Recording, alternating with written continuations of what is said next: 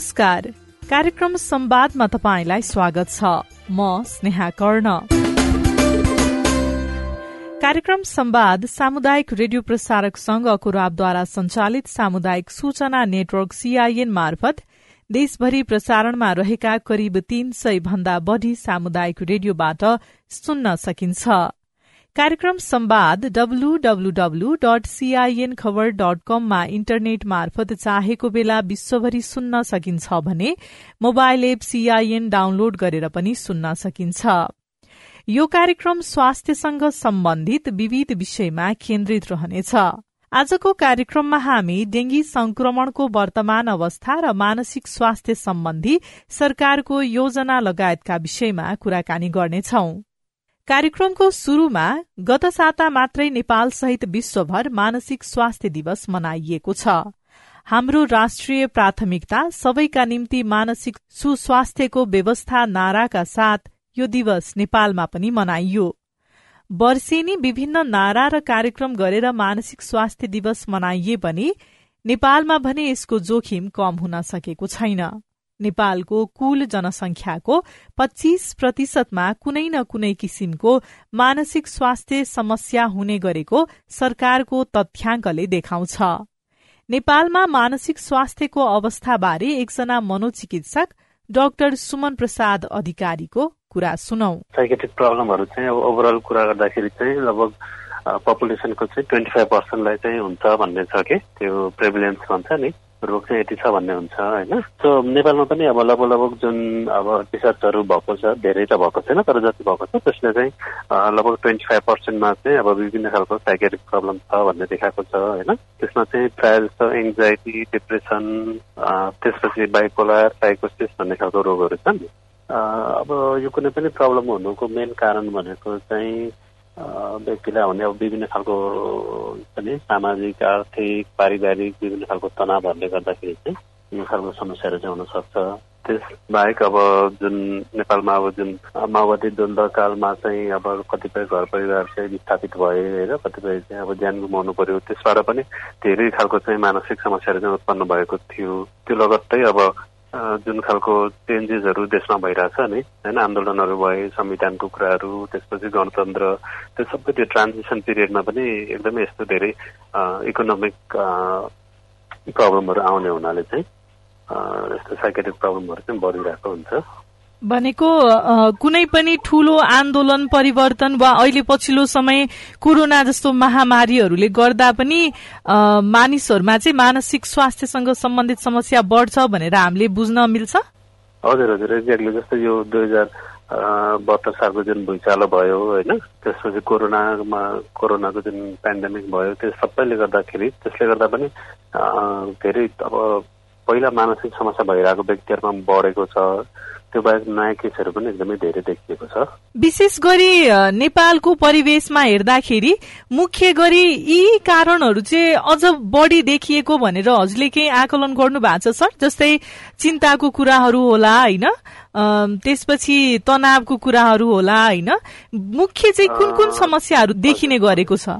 त्यो चाहिँ अब इन्डिभिजुअलमा फरक पर्छ होइन? ओभरअलमा सबै यही कारणले हुन्छ भनेर त भन्न सक्दैन। अब प्रत्येक व्यक्तिको चाहिँ त्यो हुने कारण चाहिँ अब कसैको जेनेटिक्सको कारणले पनि होला वंशानुगत अब बुवा आमामा छ भने बच्चामा हुने चान्स हुन्छ होइन?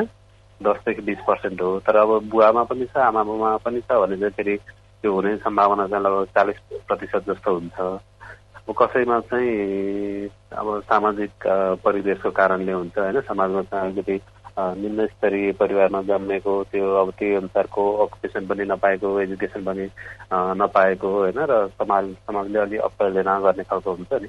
त्यो खालको परिवेशले पनि हुनसक्छ। अथवा कसैमा चाहिँ अब हुन न एकदमै समृद्ध परिवारमा भए पनि अब उसले चाहेको कुराहरू एक्सपेक्ट गरेको कुराहरू पुरा नहुँदा हुनसक्छ। त्यो अब जेनरलाइज गर्न चाहिँ मिल्दैन होइन? अब यही कारणले सबैलाई प्रब्लम हुन्छ भनेर त्यो एभ्री इन्डिभिजुअलमा चाहिँ फरक फरक कारण चाहिँ हुन सक्दछ नेपालमा यो मानसिक स्वास्थ्यसँग सम्बन्धित बिरामीहरूको संख्या वर्षेनी दोब्बरले तेब्बरले बढेको छ या सामान्य गतिमै बढिराखेको पाउनुहुन्छ? होइन सङ्ख्या त बढिराखेको पनि छ प्लस अब पहिला पहिला पहिला चाहिँ धेरै जस्तो बिमारीहरू चाहिँ अब उपचार गर्न जँचाउन जान होइन त्यसरी चाहिँ एकदमै हिचकिचाउने किनकि अब साइकेट्रिस्ट साइकेट्रिक डक्टरलाई भेटेपछि अथवा मानसिक अस्पतालमा गएर जँचाएपछि चाहिँ अब यो चाहिँ ठुलै रोग हो यो त पागलपनको रोग हो बौलापनको रोग हो भनेर भन्दै जुन परिपाटी छ नि हाम्रो। अझै पनि केही हदसम्म चाहिँ त्यो छ। त्यो हुनाले पनि मान्छेहरू चाहिँ अलिक हिचाउनै नजाने चाहिँ गर्दथे। तर अहिले आएर अहिले पछिल्लो समयमा चाहिँ अलिकति अवेरनेस पनि बढेको हिसाबले चाहिँ चेकअप गर्ने व्यक्तिको सङ्ख्या पनि बढेको छ। प्लस अब नयाँ केसहरू पनि अवश्य अब थपिँदै गएकै छ। यो कोरोनाको पेन्डेमिक भयो त्यस त्यसपछि अब इकोनोमिक जुन एकदमै प्रब्लमहरू आइरहेछ होइन? यो सबै कुराले गर्दाखेरि चाहिँ केसहरू पनि बढिराखेकै छ। सन् दुई हजार तेह्रमा भएको देशव्यापी सर्वेक्षणले करिब बाह्र प्रतिशत वयस्क नेपालीमा डिप्रेशन अर्थात उदासीनता अनि तेइस प्रतिशतमा एन्जाइटी अर्थात चिन्ता लाग्ने रोग भएको पाइएको थियो। राष्ट्रिय मानसिक स्वास्थ्य सर्वेक्षण दुई हजार सतहत्तरका अनुसार नेपालीहरूमा विशेष गरी चिन्ताजन्य र उदास रहने समस्या धेरै पाइने गरेको छ। एकजना मनोपरामर्शदाता मधु पौडेलको भनाई सुनौ। नेपालमा पहिलाको तुलनामा मान्छेहरू केही शिक्षाको रूपमा कति ठाउँमा चाहिँ शिक्षित रूपमा खुल्न नसकेको कारणले अझै बढ्दै गइरहेको छ होइन? जसरी मान्छे चाहिँ शारीरिक रूप स्वास्थ्यको लागि चाहिँ चेकअप गर्नको लागि भनेर हस्पिटल जान्छ त्यसरी नै चाहिँ मानसिक स्वास्थ्यको लागि चाहिँ ल मानव एउटा व्यक्तिलाई नियमित पन्ध्र दिनसम्म चाहिँ निद्रा लागेन भने मलाई चाहिँ मानसिक स्वास्थ्य समस्या निस्कँदैछ कि मैले चाहिँ बेलैमा चेक गर्नुपर्छ भन्ने खालको चाहिँ जनचेतनाको अझै पनि अभाव छ। त्यसले गर्दा चाहिँ यो अझै बढ्दो रूपमा गइरहेको छ। अनि अर्को चाहिँ यो वैदेशिक रोजगारले जुन सिर्जना गरेको छ नि यसले चाहिँ पारिवारिक समस्या होइन? अनि त्यसपछि अन्तर्जातीय विवाहको कारण जुन परिवारले चाहिँ अझै पनि स्वीकार गर्नुभएको छैन। अनि अर्को चाहिँ गरिबी होइन? सामाजिक सांस्कृतिक विभिन्न पक्षले गर्दा चाहिँ अझै पनि यसको यो चाहिँ बढ्दो रूपमा एकदमै गइरहेको छ। यो चाहिँ हामीले देख्दाखेरि अनि अझै पनि यो समुदाय स्तरमा चाहिँ शिक्षाको चाहिँ एकदमै कमी देखियो। मलाई चाहिँ मानसिक समस्या हुनसक्छ म बेलैमा सचेत हुनुपर्छ अथवा चेक गऱ्यो भने चाहिँ समयमै नि निको हुन्छ। म त्यो विकराल रूपसँग अथवा डिप्रेसन जस्तो आत्महत्याको समस्या जस्तो अवस्थामा नपुग्नका लागि चाहिँ म समयमै उपचार गऱ्यो भने निको हुन्छ भन्ने जस्तो कुराहरूमा अझै पनि जनचेतनाको चाहिँ एकदमै अभाव देखिएको छ। सरकारले जति पनि कार्यक्रमहरू अहिले गरिराखेको छ बजेट जति छुट्याइराखेको छ त्यो नेपालको मानसिक स्वास्थ्यको क्षेत्रमा कतिको पर्याप्त अपर्याप्त देख्नुहुन्छ? होइन पर्याप्त भन्नाले सरकारले चाहिँ गर्न चाहिँ पहल एकदमै राम्रो थालिरहेको छ होइन। यसलाई अझै पनि बढाउन चाहिँ आवश्यक देखिन्छ कि? जस्तै कसरी भन्दा अब हामी अहिले नै यो बागलुङ नगरपालिकामा चाहिँ साढे दुई तिन वर्ष देखि जुन यो मनोपरामर्श सेवा दिइरहेका छौँ। यो चाहिँ हरेक पालिकामा चाहिँ एकदमै आवश्यक रहेछ। अझै पनि कार्यक्रम बढाउने अनि पालिका स्तर अझ सकिन्छ भने त वडा स्तरमा नै एक एकजना मनोपरामर्शकर्ता राखेर नै सचेतना कार्यक्रम ल्याउनका लागि सरकारले अब के अरे पहल कदमी चाल्यो भने अझै राम्रो हुन्छ जस्तो लाग्छ मलाई चाहिँ। यति नै मात्र भन्ने छैन तर यसलाई चाहिँ बढाउनु पर्छ उहाँले भने जस्तै सरकारले कार्यक्रम ल्याए पनि पर्याप्त बजेट नहुँदा कार्यक्रम प्रभावकारी हुन सकेको छैन। अधिक आय भएका देशले मानसिक स्वास्थ्यका लागि पाँच प्रतिशत बजेट छुट्याउँछ भने न्यून आय भएका देशमा एक प्रतिशत भन्दा कम बजेट छुट्याइने गरिन्छ। सरकार भने मानसिक स्वास्थ्यलाई प्राथमिकतामा राखिएको दावी गर्छ। स्वास्थ्य तथा जनसंख्या मन्त्रालय अन्तर्गतको इपिडेमियोलोजी तथा रोग नियन्त्रण महाशाखाका प्रमुख डाक्टर चुमनलाल दास। मानसिक स्वास्थ्य कार्यक्रमहरू चलिराखेको छ। तपाईँको तल फेरि फेरि लेभलसम्मको ट्रेनिङहरू भइरहेको छ। के हुन्छ यो मानसिक स्वास्थ्यको लागि। अनि अरू थप के भन्छ हामीले मोड्युलहरू के हुन्छ मोड्युल मोड्युलहरू डेभलप गरेर अझै थप पनि ट्रेनिङहरू दिने प्रयत्न गर्दैछौँ। अहिले त ट्रेनिङै हो नि। मेन त के भन्छ तल हाम्रो community mental health care package छ। त्यो प्याकेज अनुसारको हामी के भन्छ तलसम्म ट्रेनिङहरू दिइरहेको छौँ अहिले मेडिसिनहरूको रेन्ज के हुन्छ बढेको छ। रिफरल के को लागि सेन्ट्रल हस्पिटलहरूमा के केन्द्रीय अस्पतालहरूमा तपाईँको बेड के भन्छ छुट्याएको छ। अहिले यो एक्टिभिटी एक्टिभिटीहरू भइरहेछ। त्यस बाहेक नि तपाईँहरूले तालिमको कुराहरू गर्नुभयो होइन? यो तीन तहको सरकारसँग मिलेर पनि तपाईँहरू मानसिक स्वास्थ्यको क्षेत्रमा कामहरू गर्दै हुनुहुन्छ?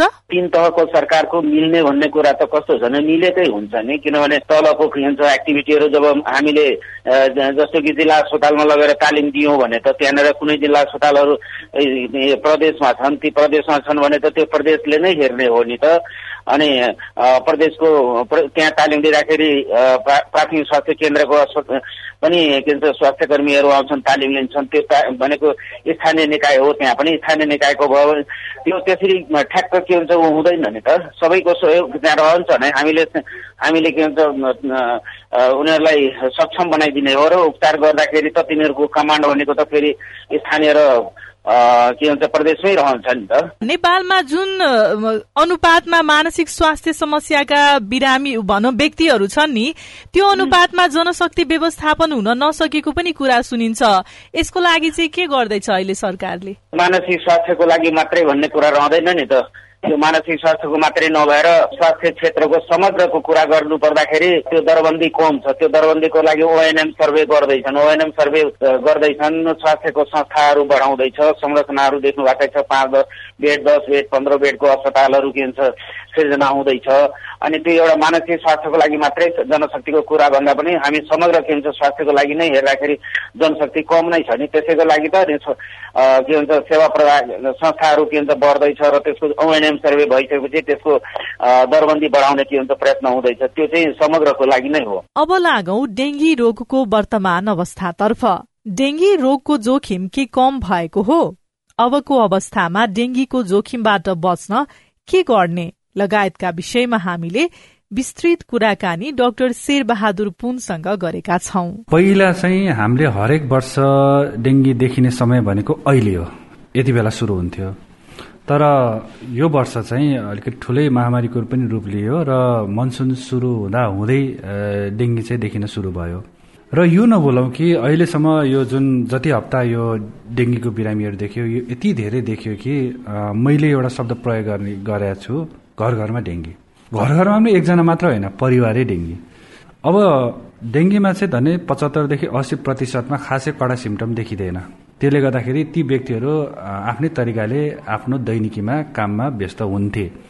बिसदेखि पच्चिस प्रतिशत जो बिरामीहरू थिए उहाँहरूमा अलिकति कडा भएर आउने हो।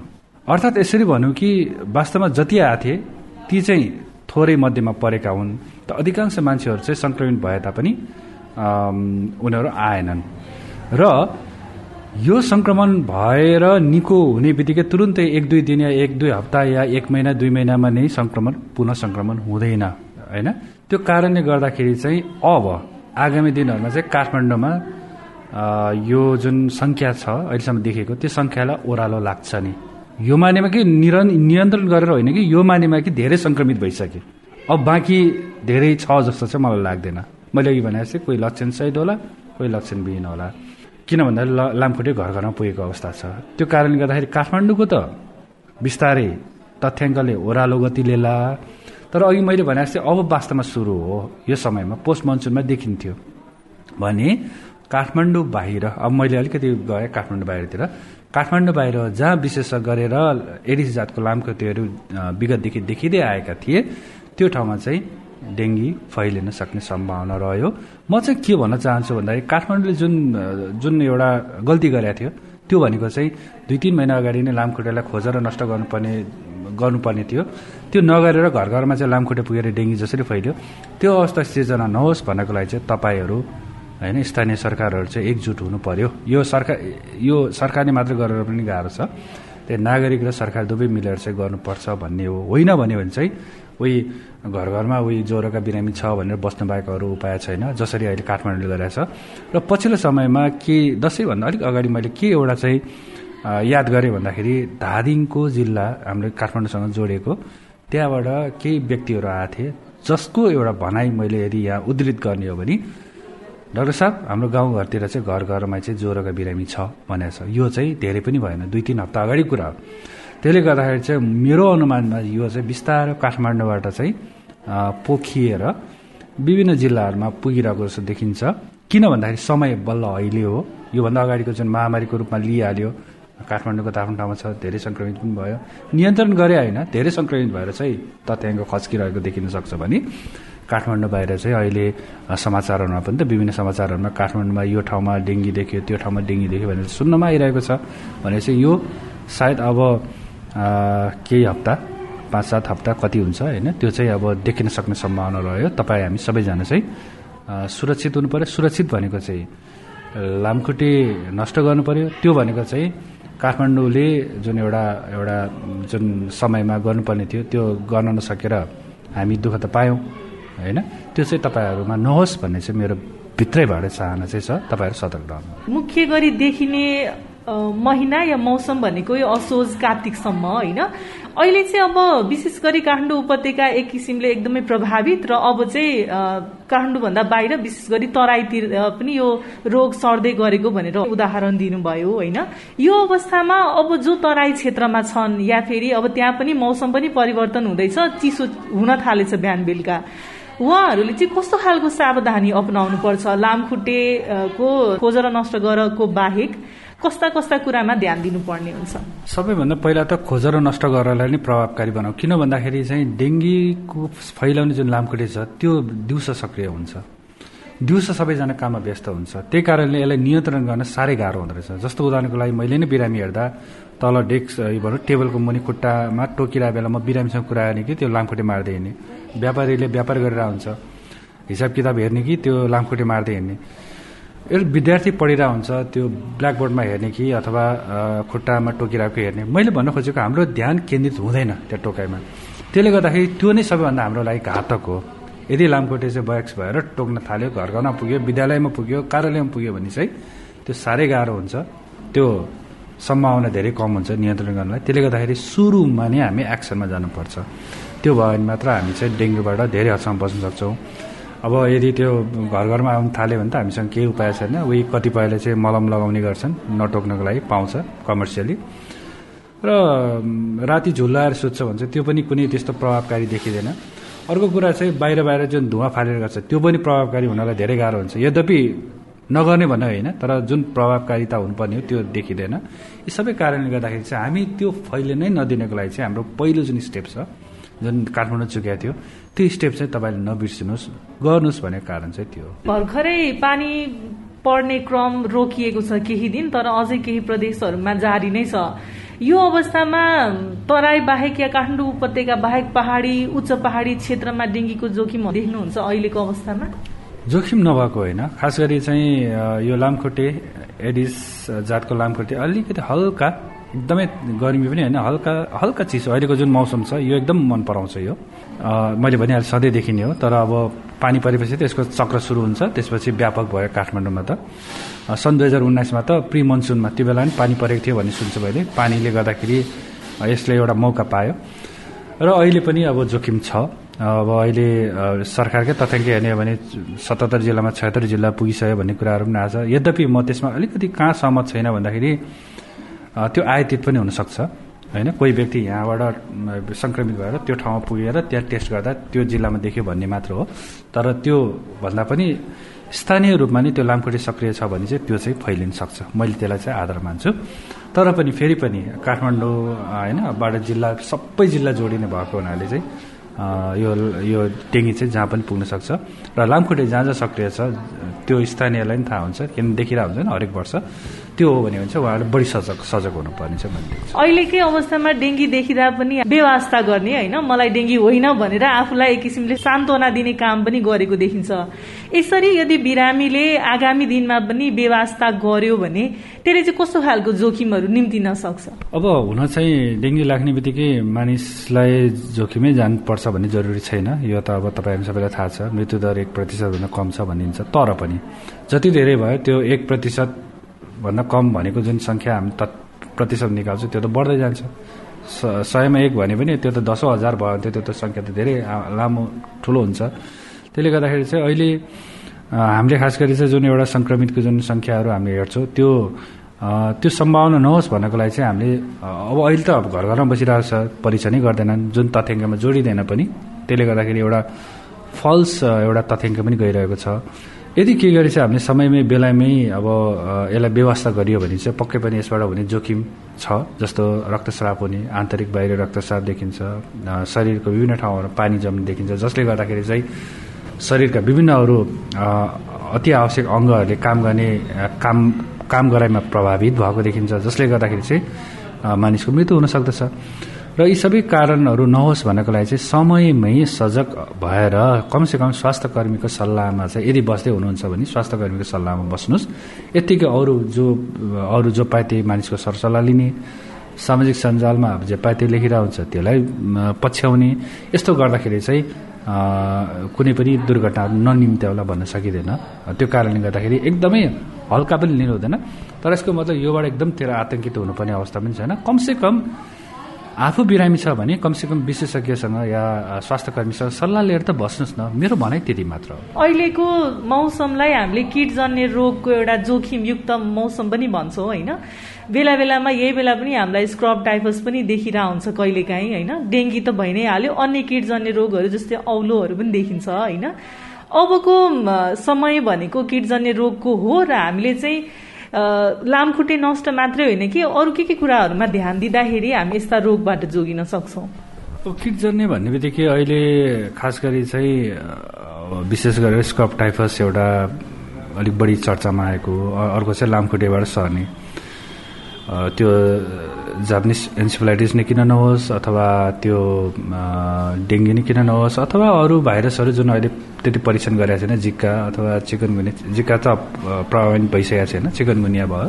अब यो किटजन्य रोग अन्तर्गत पर्छ। खास गरी चाहिँ हामीले यसलाई बच यसबाट बच्नको लागि चाहिँ त्यो जुन भेक्टर भन्छौँ नि जसबाट हामी सर्छ तराईतिर त कालाजार भयो भुसुनाबाट सर्ने भयो सेनिफ्लाई यी सबैको चाहिँ हामीले रोक्न जरुरी छ। र यस यिनीहरूको वासस्थान कहाँ छ यो सबै कुराहरू थाहा पाउनु पऱ्यो यो कहाँ वृद्धि विकास हुन्छ यो कुराहरूको बारेमा चाहिँ पर्याप्त मात्रामा चाहिँ सूचनाहरू प्रभाव हुनुपर्छ। र त्यो सूचना यस्तो हुनुपर्छ कि त्यो त्यो भनौँ न जनस्तरमा पुग्नु पर्यो। र पुग्नु मात्र पर्यो पुग्नु मात्र ठुलो कुरा होइन कि उनीहरूले बुझ्नु पनि पर्यो। र उनीहरूको इन्ट्रेस्ट पनि तान्नु पर्यो। उनीहरू इन्ट्रेस्ट नलिएर पो हिँड्ने हो कि हामी जति कराए पनि नसुनिरहेको हो कि। यो सबै कुराहरूले चाहिँ मानिराख्छ र त्यसपछि मात्र यस्ता किटजन्य रोगहरू सायद हामीले अझ थाहा नपाएको कतिपय होला। ती सबैबाट बच्नको लागि चाहिँ हामीले अलिक बढी मात्रामा चाहिँ यो प्रिभेन्टिभ मेजर्स भन्छौँ हामीले जुन बच्ने उपायहरू। यसमा चाहिँ अझ बढी जोड दिनुपर्छ। किन भन्दाखेरि यो चाहिँ कस्तो हुन्छ एकैचोटि वात्त बढ्छ। वात्त बढेपछि हामीसँग अस्पतालहरू पर्याप्त नहुन सक्छ र त्यो बेलामा उपचार नपाएर मृत्यु हुन सक्दछ यो अवस्था नहोस् भन्नलाई चाहिँ हामीले अलिकति सावधानीका जुन उपायहरू छ त्यसलाई चाहिँ विशेष हामीले चाहिँ ध्यान दिनुपर्छ जस्तो चाहिँ मलाई लाग्छ उमेर समूह अनुसार अहिले पछिल्लो समय जुन डेङ्गीको जोखिम देखियो या महामारी प्रकोप देखियो नि कुन उमेर समूह बढी प्रभावित भएको पाउनुभयो र उनीहरूमा चाहिँ विशेष गरी कस्ता कस्ता जोखिमहरू देखियो? अब डेङ्गी चाहिँ अधिकांश युवाहरू नै देखेँ मैले। खास गरी चालिस पचासभन्दा मुनिकै देख्छु मैले। तर यसको मतलब यो होइन कि सत्तरी अस्सी वर्ष नदेखेको होइन। मैले नै धेरै उहाँहरूलाई पनि हेरेको छु। तर तुलनात्मक रूपमा चाहिँ युवाहरू पनि देख्छु। र मेरो बुझाइमा स्वास्थ्य मन्त्रालयको तथ्याङ्कले पनि चालिस वर्ष मुनिका नै बढी मृत्यु भयो भन्ने कुराहरू आएको रहेछ। यसले गर्दाखेरि चाहिँ यही त्यही भन्ने त हुँदैन। जो कोहीलाई पनि अब यो जोखिम रहेछ भन्ने कुरा छ। तर पनि जो दीर्घरोगी छ उनीहरूलाई पक्कै पनि अलिकति बढी प्रभाव त पार्ने नै भयो भाइरल इन्फेक्सनहरूमा। र उहाँहरू चाहिँ अलिक बढी अझ सुरक्षित हुनुपर्छ भन्ने हाम्रो भनाइ हो। तर यो भन्दै गर्दाखेरि चाहिँ जो कोही पनि डेङ्गीको चाहिँ प्रभावबाट चाहिँ उम्कन सक्ने भन्ने चाहिँ हुँदैन। त्यस्तो डेङ्गीलाई पनि अहिले पछिल्लो समय कोरोना भन्दा पनि डर लाग्दो हो भनेर पनि बहस सुनिएको छ होइन? यसपटकको हामीले अवस्था हेर्ने हो भने किन यस्तो बहस हुँदैछ कि डेङ्गी कोरोना भन्दा पनि बढी खतरनाक र भयावह छ भने? होइन यस्तो छ। यो के चाहिँ भन्ने गर्छ भन्दाखेरि चाहिँ कोरोनामा चाहिँ अब भित्रभित्र छाती ध्वस्त बनाउँथ्यो थाहा हुँदैन थियो एकैचोटि मानिसको मृत्यु हुन्थ्यो। यसले चाहिँ अत्याधिक पीडा दिने भएको हुनाले यस्तो चाहिँ शत्रुलाई समेत नलागोस् भनेर मलाई नै धेरैले भनेका छन्। यस्तो त यति कडा त मैले जिन्दगीमा कहिले पनि देखाएको छैन। यो मलाई सन् दुई हजार उन्नाइसमा धेरैले भनेका थिए। तर अहिले झन् धेरै मान्छे सङ्क्रमित भए होइन त्यसले गर्दा यसको यो दुखाइको कारणले हो वाक वाक लाग्ने खान मन नलाग्ने हेर्ने मन नलाग्ने यो त अति नै हो नि त। त्यसले गर्दाखेरि चाहिँ भने हो नत्र त अब तपाईँले हेर्ने हो भने त अब कोरोनाले दैनिक धने साढे दुई सौभन्दा बढी मानिसको मृत्यु गराउने गर्थ्यो। तर यो त अहिलेसम्म समग्रमा त धनै चालिसको हाराहारी होइन त्यसको पुगेको देखिन्छ। मैले यो भने कि यो यो एकदमै कमजोर भन्न खोजेँ होइन। मैले यो भन्दैछु कि यसले दुःख दिने चाहिँ अत्याधिक छ र कम्तीमा पनि आठ दस दिन दुःख दिने भएको हुनाले वास्तवमा यति पीडा हुन्छ यति खान मन नलागेको हुन्छ यति बान्त वाक वाक लास्ता हुन्छ कि यस्तो चाहिँ शत्रुलाई समेत नहोस् भन्ने खालको चाहिँ धेरैभन्दा धेरै बिरामीले चाहिँ मलाई भनेको छ। पक्कै पनि जो कोहीले पनि कोभिड त अब भनिहालेँ कि त एकदमै अचानक छातीमा समस्या ल्याइसकेको हुन्छ। होइन भने त रुगाखुई जस्तो। अझ ओमिक्रोनमा त रुगाखुई जस्तो बढी मात्रामा थियो घाँटी दुख्ने थियो। त्यसले गर्दाखेरि पनि यो भनेको होला भन्ने मलाई लाग्दछ।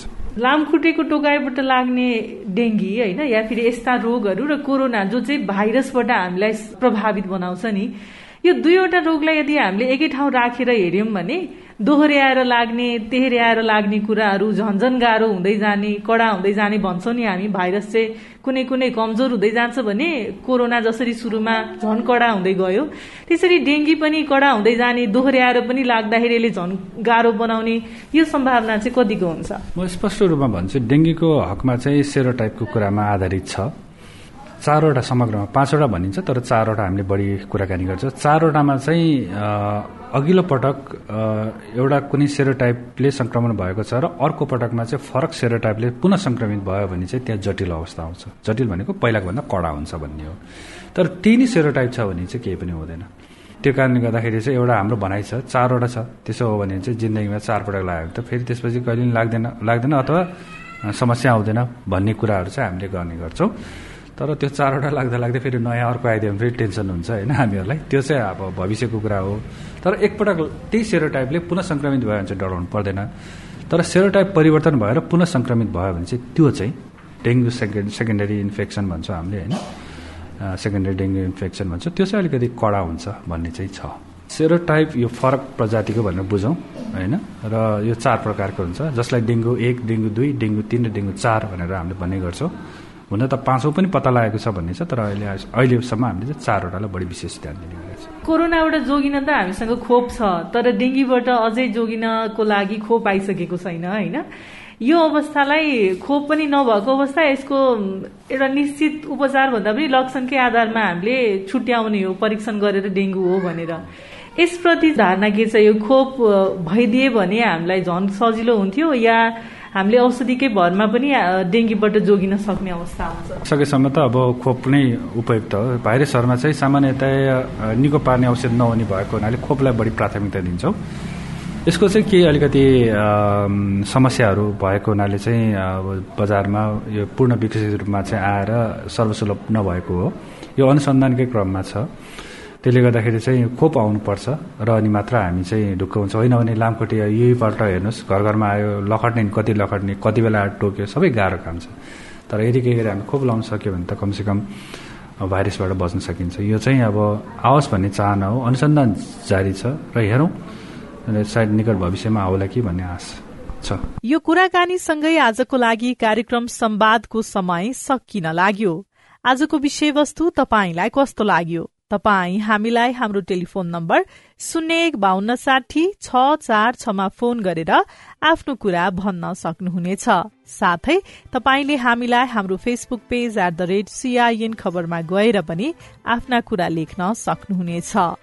सीआईएनले तयार पारेको कार्यक्रम संवादबाट प्राविधिक साथी सुरेन्द्र सिंहसँगै म पनि विदा हुन्छु। नमस्कार।